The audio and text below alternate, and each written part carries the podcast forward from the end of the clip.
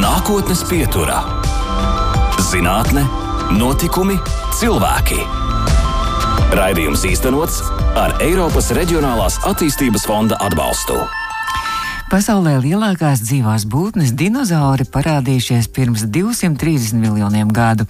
Paši iespaidīgākie zināmie eksemplāri esot, piemēram, brahiozaurs, kas svērs vairāk nekā 50 tonnas, bet dreadnauta parametri bijuši 26 metri garumā un svars 65 tonnas.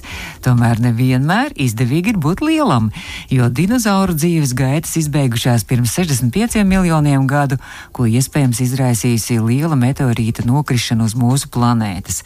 Savukārt mikroorganismi ar cilvēku aci nav uzskatāmi. Par to eksistenci aizdomas jau bija radušās sengrieķu un romiešu ārstiem Hipotrātam, Plīnijam, vecākajam galēnam, bet pirmo reizi mikroskopā mikroorganismus 1676. gadā izdevies ieraudzīt Nīderlandiešu pētniekam Antonijam Van Levenhukam.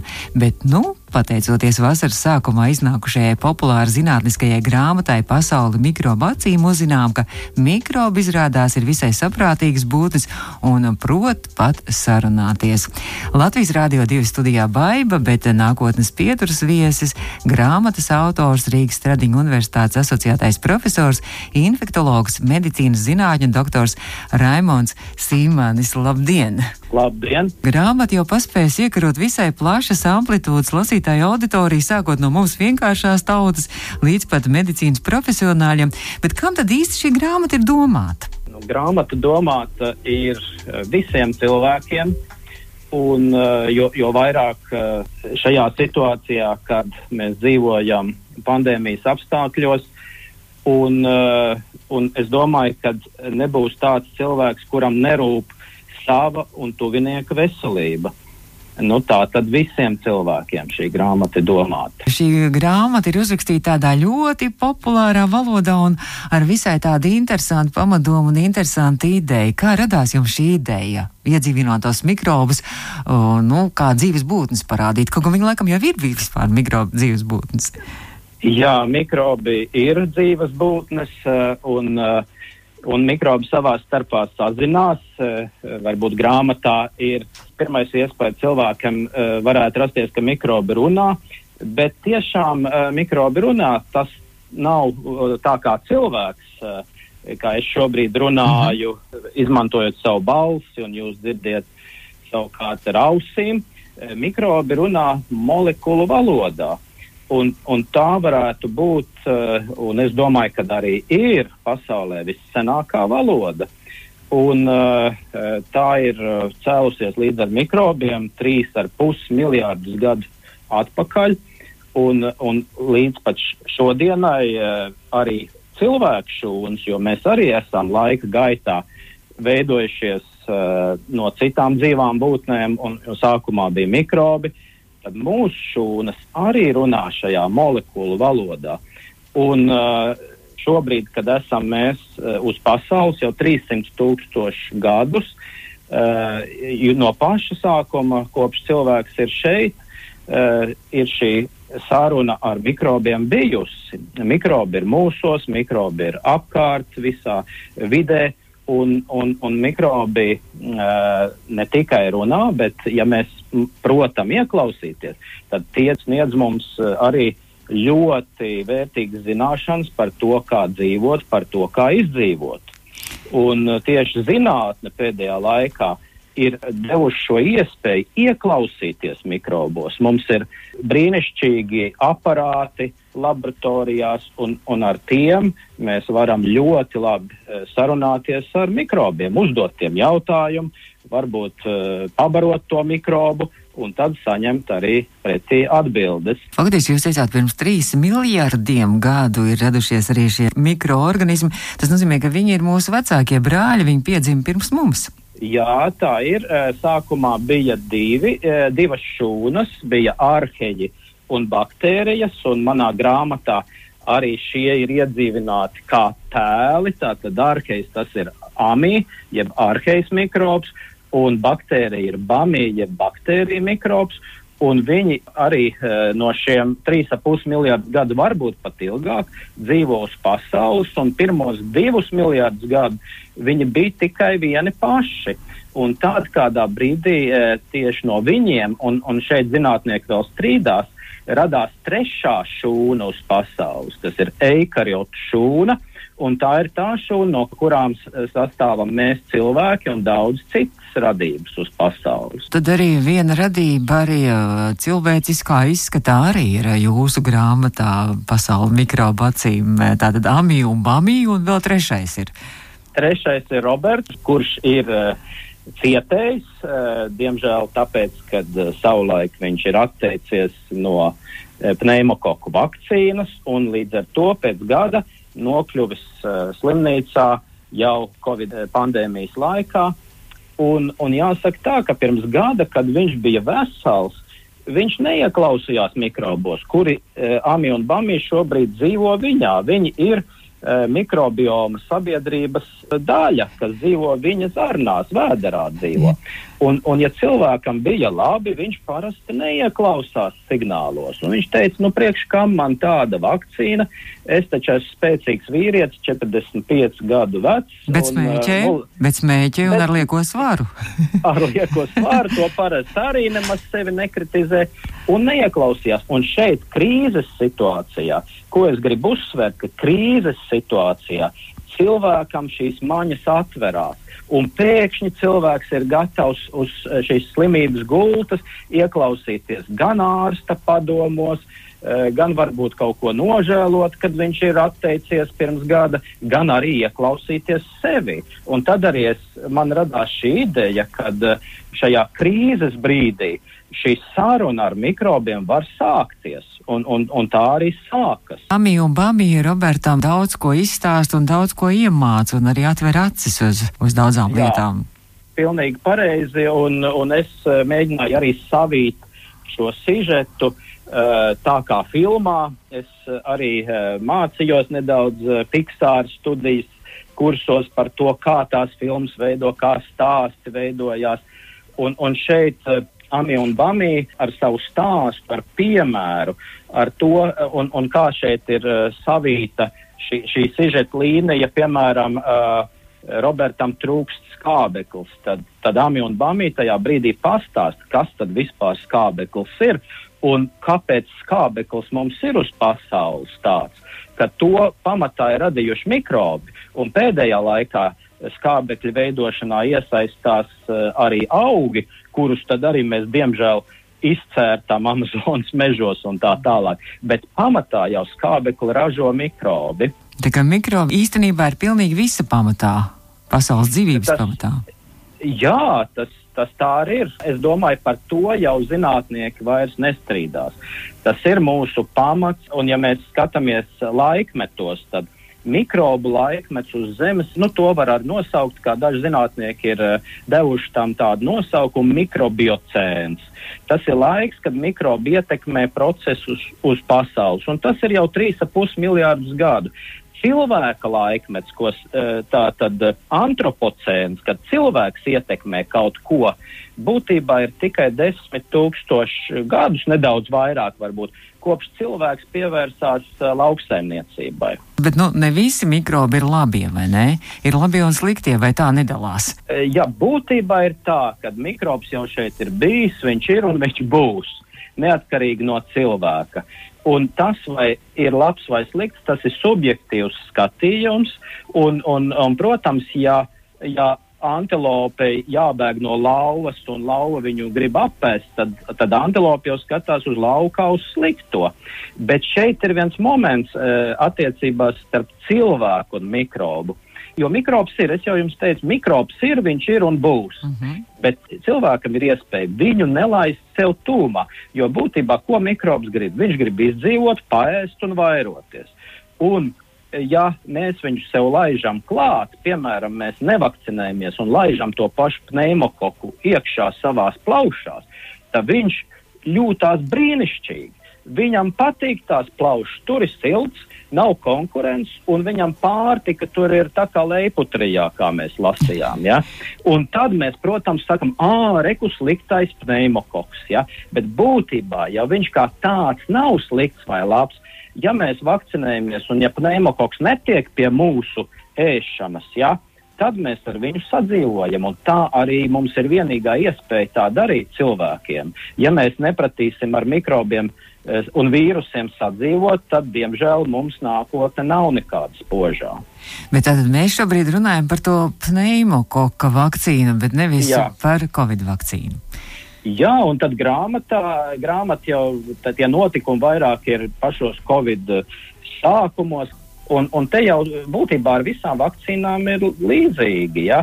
Uh, šeit uh, ir tas jautājums nepielaist ne vīrusu, ne mikrobu vai baktēriju tātad sev tuvumā, lai tas nespētu izmantot mūsu kā tādu pārtikas avotu ja, un, mm -hmm. un vairošanās vietu. Un, un, un ar Covid vakcīnu ir tieši tāpat, ka mūsu uzdevums ir nekļūt vīrusam par barību.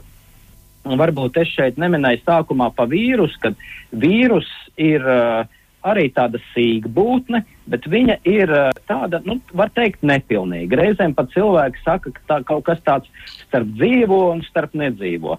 Jo vīrus pats bez šūnas, tātad bez vienas no šīm trijām šūnām, arheja, baktērijas vai eikariot, viņš nespēj izdzīvot. Viņam vajag iekļūt šajā šūnā un tikai tā viņš spēj savairoties. Bet pārējais jau viss, ja mēs skatāmies no, no tā, vai būs infekcija vai nebūs, tad infekcija var būt gan no baktēriju tā tad ra, radīta, gan arī vīrusa. Un vakcīnas viss princips ir vienāds. Par to grāmatas mērķi arī, jā, tad beidzot esam nonākuši pie tā. Jā, man divi mērķi rakstot šo grāmatu. Pirmais ir pastāstīt cilvēkiem par mikrobiem, lai visi, kas lasa, spētu iepazīt mikrobus un vīrusus, tā skaitā arī Covid ierosinātāju otro SARS koronavīrusu, un iemācītos ar tiem sadzīvot. Un otrs varētu būt, ka izlasot šo grāmatu, es ceru, ka cilvēkiem būtu lielāka iespēja izdzīvot kritiskā brīdī, kad uzbruk vīrusi, uzbruk mikrobi un palielināt savus un tuvāko cilvēku izdzīvošanas izredzes. Un un, ja mēs skatāmies plašāk, tad izdzīvot šī brīža Covid pandēmijā, kas nemaz nav beigusies, un šobrīd mēs gaidām jau nākamo vilni, kā arī nākamajās pandēmijās, uh, lai kādas tās būtu. Runājot arī par grāmatu, ja tagad arī varbūt mūsu klausītāji uztraucas, ka tur dažādi tie zinātniskie termini un medicīniskie termini, tad uh, var neuztraukties, jo jūs esat grāmatā arī devis tos terminu skaidrojumus, tā ka visu var arī izlasīt un saprast. Jā, tas bija mērķis izskaidrot, cik vien var vienkārši tomēr nezaudējot to jēgu, mm -hmm. to, to zinātnisko jēgu un, un to pamatinformāciju. Jūs esat mācījies arī filmu, filmu režiju un filmu šo uzbūvu un scenāriju veidošanu. Es gribēju tieši vaicāt, nu neret pārtop grāmatas par dažādiem mākslas darbiem, vai nu teātri izrādēm, vai filmām, operām vai baletiem. Kā jūs iedomājaties, kā varētu pārtapt šī uh, pasaule mikrobu acīm, kas tas varētu būt tālāk kāds mākslas darbs? Ideālā gadījumā tā būtu animācijas filma, kur notikumi risinās Roberta Vēderā, un kur Ami un Bami eh, nokļūst dažādās sarežģītās situācijās vienā pēc otras, jo viņiem jau arī, ja mēs runājam par, par labajiem mikrobiem, kas mums palīdz, viņiem jau arī ir šausmīgi pārdzīvojumi tad, kad Roberts saņem antibiotikas, piemēram, ja? mm. jo viņus jau arī tās antibiotikas kauj nost, un ja šiem mikrobiem nav aizsardzības līdzekļu ja, eh, pret antibiotikām, viņi aiziet bojā. Un, un tālāk uh, daudz citi uh, notikumi gan ar vīrusiem, kas dzīvo Roberta organismā, gan arī citiem mikrobiem, kas tur paceļ galvu, kuri tagad, kad jau cilvēks nabaks nokļūsi grūtībās, un citi labie mikrobi jau ir apkauti ar antibiotikām, tad galvu paceļ pavisam tādi nelāgie, ko mēs arī zinām sabiedrībā, ka slimnīcā var biežāk tomēr dabūt kādu smagāku infekciju un, un, un tā tālāk. Tā kā šeit tas notikums notiek mikropasaulē, bet tie tēli varētu būt iedzīvināti cilvēkam labāk saprotami tātad ar emocijām. Un, un tas būtu viens ļoti spēcīgs tāds gabals, kā mm -hmm. saka, animācijas filma, kurā ne tikai varētu izklaidēties, bet mm. arī gūt e, dažādas atziņas. Bet runājot par jūsu grāmatu, tad e, vai tā ir taisnība, ka tā jau ir iznākusi angliski arī? Jā, jau vienu mēnesi, kā grāmata ir Amazon tirzniecības tīklā un visā pasaulē, un uh, tulkošanā man palīdzēja mani draugi no Austrālijas, daži dzīvo šeit Latvijā, un viņi ļoti palīdzēja. Un un tāpēc man arī bija tāda iespēja eh, kvalitatīvu angļu valodas tekstu izveidot. Un uh, dažādu sakritību dēļ pirmā vieta, kur bija pirmais panākums, arī bija Austrālija. Tad mēs turpināsim pēc uh, maza brīža sarunu ar Rīgas Tradiņu universitātes asociēto profesoru infektologu medicīnas zinātņu doktoru Raimondu Sīmanu, arī grāmatas pasauli mikrobu acīm autoru. Nākotnes pieturā. Turpinām nākotnes pieturu un mūsu viesis attālināti šoreiz kārtjo reizi ir Rīgas Stardiņa universitātes asociētais profesors, infektologs, medicīnas zinātņu doktors Raimons Sīmans. Mēs jau tā kā apstājāmies pie tās Austrālijas, kā angļu valodā arī jūs draugi Austrālijā šo grāmatu ir tulkojuši. Jūsu infektologa darba visa pieredze sākās tieši ar Austrāliju. Jā, tā man bija milzīga iespēja, ko deva eh, Austrālijas latvieši, kuri organizēja fondu dažādu speciālistu izglītībai. Eh, ne tikai infektoloģijā un medicīnā, arī citās jomās, eh, bet man bija šī iespēja, kā vienam no pirmajiem, doties uz Austrāliju, lai veselu gadu strādātu infektoloģijas klīnikā, kuru toreiz vadīja dr. Alvis Kučers, slimnīcas direktors. Tomēr, lai tur tiktu, šeit uh, Latvijā bija konkurss, ko arī organizēja profesors Ilmārs Lazovskis un profesors Valdis Pīrāks. Man arī bija angļu valodas pārbaude, es to visu izturēju. Tad, kad es aizbraucu Austrālijā, Viktorijas štatā, vēlreiz mani pārbaudīja administrācija, vai vispār tādu jaunu censoni var laist pie Austrālijas pacientiem. Es to visu izturēju un veselu gadu strādāju un mācījos Austrālijā, Melburnā. Kāda jums bija tur specializācija? Tie bija HIV un AIDS pacienti? Tur bija visdažādākie pacienti, bet uh, tā kā AIDS uh, pandēmija bija vēl savos sākuma etapos, un vēl līdz mums tajā laikā nebija nokļuvusi tādos ap, apmēros kā Austrālijā, tad arī bija ļoti daudz aids uh, pacienti. Un tur es arī izgāju cauri šīm mācībām un praksēji ārstējot un cenšoties palīdzēt aids pacientiem, jo toreiz zāles nebija. Un praktiski šī diagnoze bija uh, kā nāves spriedums. Uh, Un, ja mēs salīdzinām tagad, 30 gadus vēlāk, tad uh, zinātne ir attīstījusies, ir labas zāles. Un šobrīd, ja aids, mēs aids uh, slimību varam uzskatīt par hronisku infekciju. Nu, tikai tad, ja mums ir uh, šīs zāles pieejamas. Latvijā tas ir. It kā ļoti iedvesmojoši un jācer gan, ka nu, Covid nebūs jāgaida 30 gadi, kamēr mēs Jā. sagaidīsim arī zāles. Es domāju, zinātne ir arvien spēcīgāka, arvien ātrāk mēs spējam atšifrēt eh, vīrusu, atšifrēt vīrusa uzvedību. Un es domāju, ka pēc vairākiem gadiem mums ir cerības uh, uz jau efektīvākām zālēm. Un jau gada laikā jāsaka, ka uh, 2020. gada pavasarī pandēmijai sākoties, slimnieks, ja nokļuva slimnīcā ar covid, Eh, tad izdzīvošanas izredzes bija mazākas nekā ir šobrīd. Un tas viss atkal pateicoties straujai zinātnes virzībai un uh, jauniem medikamentiem, jeb arī veco medikamentu piemērošanas uh, tādai spējai Covid situācijai. Un, uh, tas uh, notiek ļoti ātri. Bet, protams, šobrīd uh, mēs nevaram paļauties uz to, ka uh, slimnīcā mūs uh, izārstēs uh, tik, tik vienkārši. Tas nebūs. Ļoti sarežģīti ir pret vīrusu un nav zāles, kas pašu vīrusu efektīvi nogalina. Līdz ar to vakcinācija šobrīd ir neapšaubām vienīgā visefektīvākā metode. Jūs strādājat ar studentiem Stradiņu universitātē un kaut kā pilnīgi tā liekas, ka jūs tā pravietiski pirms vairākiem gadiem, kad vēl nebija Covid pandēmijas, jūs jau tādu eksperimentu vai praktisku arī nodarbības veicāt, kur jūs izmēģinājāt, kā ir darboties arī šajos aizsargtērpos un mācījāties arī risinājums rast dažādām krīzes situācijām arī medicīnā. Tā ir taisnība? Jā, nu, jā taisnība, bet, protams, tas nebija eksperiments, jo īstenībā jau speciālisti ļoti labi zināja, ka jautājums nav, vai būs pandēmija, bet jautājums ir, kad tā būs.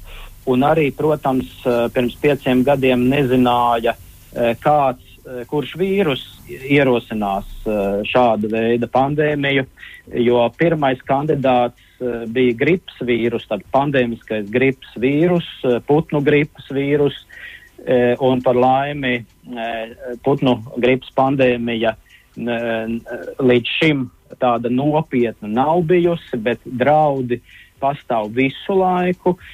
Turklāt vēl pēdējos gados cilvēki daudzi labāki un varbūt sliktāki zinātnieki ļoti daudz arī e, skatās un, un, un pēta un kombinē gēnus. Līdz ar to e, pastāv vēl nākamā iespēja, kad e, šādi kombinēti mikrobi, kombinēti vīrusi arī var izmukt no laboratorijas. Un mhm. pats sliktākais jau ir tas, ka šādu e, speciālu kombinētu vīrusu varētu uh, izmantot eh, bioteroristi. Ja, un, tas, eh, un tas ir pilnīgi reāla lieta. Līdz ar to pieci gadi vai pirms pieciem, sešiem gadiem, kad mēs runājam par šo ar studentiem, eh, tā ir tiešām pilnīgi reāla lieta, kam ir saulēcīgi jāgatavojās uz ko jābūt gataviem pirmkārt jau speciālistiem, bet arī visai sabiedrībai. Tātad mūsu nākotnē gaida atkal jauni izaicinājumi. Jā, es tikai varu jums pateikt tādus skaitļus. Kopā pasaulē ir apmēram 50 tūkstoši mugurkaulnieki. Un, nu, cilvēks ir viens no mugurkaulniekiem. Ja, kaut gan mēs smejamies, ka reizēm tas mugurkauls nav. Mm. Bet ir 50 tūkstoši, un katram mugurkaulniekam vidēji ir 20 savi vīrusi, tieši piemērojušies konkrētai sugai. Un tagad, ja mēs pareizinām 50 tūkstoši 20, mēs jau iegūstam vienu miljonu dažādu vīrusu. Un šie vīrusi jau dzīvo vienmēr savus sugas ietvaros, bet ja notiek kaut kāda mutācija, kaut kāda neparedzama vai reizēm paredzama arī notikumi, eh, tad uh, var šis uh, patogēns, vīrus vai mikrobs var pārlekt uz citu sugu, kā šajā gadījumā. Mm -hmm jaunais covid vīrus, otrais sars vīrusa nokļūst cilvēku šūnās. Mēs gan nezinām, kā viņš te ir nokļuvis. Vai viņš ir nokļuvis no cita mugurkaulnieka tieši dabiskā ceļā, vai nu viņš ir izmucis no laboratorijas. Vai no tā visa, nu, no šiem daudziem vīrusiem potenciālajiem ir iespēja izvairīties kaut kā veicot pareizu dzīvesveidu un pareizi rīkojoties un saskaņā ar dabu, vai tomēr tas ir neizbēgami?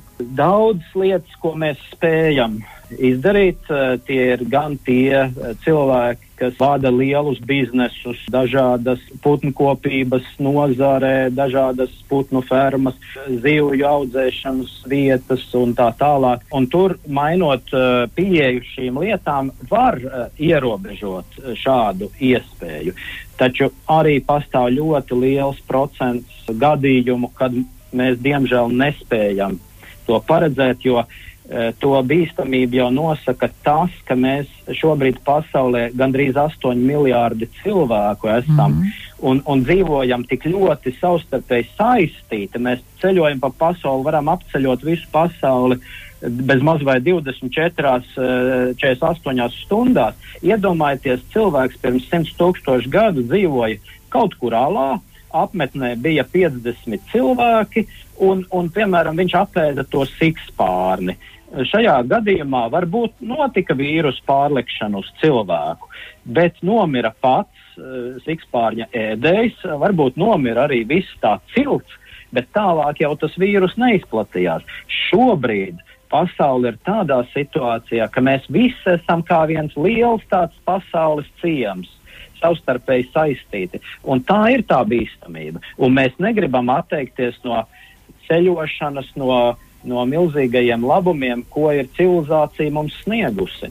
Bet tas nozīmē, ka vienīgā cerība mums paļauties uz zinātni, uz zinātnes progresu, zinātnes attīstību, un eh, tas, ka zinātnieki jau šobrīd varbūt jau prognozē un potenciāli jau strādā jau pie nākamajiem vīrusiem, pie zinātnes izpētes, zāļu izpētes un vispārējā. Tikai un vienīgi. Es gribu uzsvērt, ka mēs dzīvojam tik labā un drošā pasaulē pēdējos nu jau kādus 70, 80 gadus, eh, mēs tādā pasaulē dzīvojam pateicoties eh, zinātnei un zinātnes sasniegumiem. Un, uh, es domāju, ka nākotnē mūsu vienīgā cerība ir tajos gadījumos, kad mēs nespēsim novērst Jo pirmām kārtām jau jāmēģina novērst šī nelaime. Kā mēs to darām ar vakcināciju, e, katra cilvēka gadījumā, jeb sabiedrības aizsardzības e, gadījumā. E, ja mēs nespējam novērst, tad vismaz mums ir rīki, ar kuriem mēs varam spēji reaģēt, precīzi reaģēt, un arī sabiedrībai šajā gadījumā ir jābūt ļoti paklausīgai. Covid uh, pandēmijas gadījumā sabiedrība nav tik paklausīga, jo tā mirstība nav liela. Ja, zem viena procenta ir. Ja mums nāksies saskarties ar vīrusu, kur mirstība būs 30%, varbūt 50% ebola vīrusu gadījumā, ja e, MERS koronavīrusu gadījumā ir 30% mirstība, šajā gadījumā sabiedrībai jābūt uh, būtu ļoti, ļoti paklausīgai, tātad, ko saka eksperti, un tādā veidā mēs varētu izvairīties no lielākas nelaimes. Mēs turpināsim sarunu ar Stradiņu universitātes asociēto profesoru. Mūsu studijas attālinātais viesis ir Raimons Sīmanis, medicīnas zinātņu doktors. Nākotnes pieturā - zinātne, notikumi, cilvēki. Un mūsu studijas attālinātais viesis šodien ir grāmatas pasauli mikrobacīm autors Rīgas Tradiņu universitātes asociētais profesors, infektologs, medicīnas zinātņu doktors Raimons Sīmans. Un jūs dikti sabaidījāt mūsu klausītājs kaut kas mazliet tāds vieglāks jādod viņu ausīm. Jūs jau teicāt par to, ka pasauli ir tik ļoti atvērta šobrīd un visi mēs esam pieraduši pie ceļošanas un visiem patīk ceļot. Un tad man liekas, ka jūs jau nu esat tāds ceļošanas paraugs. Jūs jūs daudz kur esat bijis un arī esat dabā gājējis putnu vērotājs. Tā ir tāda jūsu kaislība, otra kaislība pēc medicīnas un aizraušanās. Jā, tā noteikti ceļošana, kustība no tāliem ceļojumiem, piemēram, uz lielo barjeru rīfu Austrālijā līdz vienkāršai dabā iešanai mežos netālu no Rīgas. Tas viss ir eh, tas, kas man tik ļoti patīk, un es cenšos uz pasauli skatīties ar tādām bērna acīm, saredzēt putnus, saredzēt kukaiņus, tauriņus, un tas uh, ir eh, ļoti motivējošs un ļoti atsvaidzinošs moments. Vai tie ir jūsu foto, vai tas ir jūsu vārdu brālis, kas arī parādās tur dažādos internetu arī portālos? Jā, es esmu tās fotografētājs, jo nu, fotografēju es jau no skolas laika, no eh, senos laikos, un es domāju, tā fotografija dod iespēju izdzīvot prieka vai pat laimes pilnos brīžus atkal un atkal. Un um, atliek tikai paņemt rokā krūzi, kafijas un tējas un ieslēgt slaidrādi ekrānā un priecāties par jaukiem brīžiem, kas piedzīvoti. Un es domāju, šī pieredze, tie piedzīvojumi, tā ir bagātība, ko neviena krīze, ķibele vai dišķibele nevar atņemt. Tas ir viens, tas ir pašam, bet otra lieta, kad ja tagad es aizsūtu kādam manam grupas biedram melnbalto bildi, kas ir ieskanēta no uh, tiem senajiem laikiem, tad tā ir brīnišķīga dāvana, par ko cilvēks ļoti, ļoti priecājās. Jo viņš redz sevi viņš atcerās un varbūt tiešām izdzīvo vēlreiz to prieku un laimes brīdi. Tā kā, tāpēc varbūt tas ir viens no momentiem, kāpēc man fotografēšana patīk. Ir bijuši arī dažādi, nu tiešām tādi ekstrēmi arī ceļojumi un ekstrēma pieredze. Jā, piemēram, nu, Himalajos, Nepālā 2015. gadā es iekļuvu lielajā Gorkas zemestrīcē, gandrīz astoņas balles un tiešām mājas bruka. Mums palēmējās izdzīvot un tiešām viss bija kārtībā, bet tas, tas tie brīnumi, ko arī, kad es savām acīm varu redzēt Everestu un to fotografēt un tagad skatīties vēl un vēl uz to, tas, tas protams, ir uh, milzīgs, milzīgs, milzīga vērtība manās acīs. Un, ja runājam arī par putniem, es arī pēdējā laikā diezgan daudz uh, fotografēju putnus. Pirms dažiem gadiem, tieši savā vārda dienā, 29. aprīlī 2018. gadā, man radās iespēja nofotografēt pelikānu Latvijā. Un, un par to arī tādiem putnu vērotājiem ir milzīgs prieks, jo tas tikai bija 11. novērojums Latvijas vēsturē, -huh. kad pelikāns ir ielidojis Latvijā. un, un, un, ja nebūtu nofotografējis, neviens jau no lieliem uh, ornitoloģijas speciālistiem man neticētu, protams. Šīs tehnoloģijas ir fantastiski attīstījušās pēdējo desmit gadu laikā. Mums līdzi ir augsts kvalitātes uh, aparāts mūsu telefonā. Jā, tad var vienkārši arī ar telefonu. Protams, ļoti labas kvalitātes foto. Un ir pat arī speciāli kursi, kur var pat mācīties, kā labāk fotografēt ar telefonu. Ceļošanas atmiņas tas ir tas, ko ir vērts krāt un ko neviens mums neatņems. Kā jūs prognozējat, kas notiks ar ceļošanu, vai pasauli joprojām mums būs atvērta, vai tomēr ir vērts piesargāties, un pasauli tomēr būs tāda zināmā mērā ļoti ierobežota un šie ceļojumi ierobežoti? Tie ierobežojumi būs vairāk nekā mēs bijām pieraduši līdz šim. E, jāsaka gan, kad jau pirms 20 gadiem, kad bija pirmā SARS epidēmija Āzijā, no tā laika jau Āzijas, Āzijā cilvēki sāka regulāri valkāt uh, maskas dažādās situācijās. Un ar to es gribu teikt, ka es domāju, ka ceļot varēsim. Vienmēr jau būs atkal nākamie izaicinājumi uh, no mikrobu un vīrusu puses, bet ja mēs ievērosim uh, visus noteikumus un tā tālāk, uh, tad es domāju, ka pasauli joprojām būs atvērta. Mūsu nākotnes pieturas attālinātais viesis šodien Rīgas Tradiņu universitātes asociētais profesors, infektologs, medicīnas zinātņu doktors Raimons Zīmanis. Tūlīt arī raidījuma noslēgumā jūsu izvēlētā mūzika skanēs, bet varbūt jau padomā tāds kāds radošās arī jaunas idejas kādai jaunai grāmatai. Jā, šobrīd vēl nav. Šobrīd gan ir ieteikumi jau domāt par bērniem, varbūt vairāk un bērnu izglītību šajā jautājumā. Bet eh, nu, galvenais, ko es gribētu, varbūt arī jau šobrīd un arī nākotnē ar saviem darbiem, ar savu komunikāciju, pateikt cilvēkiem, ir mācīties un spēt raudzīties uz pasauli citām acīm, no putnu acīm, mikrobu acīm, arī, kā es minēju, bērnu acīm, jo bērns ierauga to, ko pēc tam cilvēks, kas ir mūžīgi aizņemts savos darbos, vairs neierauga, bet tad vienā brīdī varbūt var atkal saņemties un ieraudzīt to, un tad pasaule atkal paverās pilnīgi citādāk, krāsaināk un, un labāka. Ai, cik jauks novēlējums! Paldies, ka atradāt laiku arī mūsu Latvijas Rādio 2 un nākotnes pieturē. Paldies! Paldies liels! Izskan nākotnes pieturā. Raidījums īstenots ar Eiropas Reģionālās attīstības fonda atbalstu.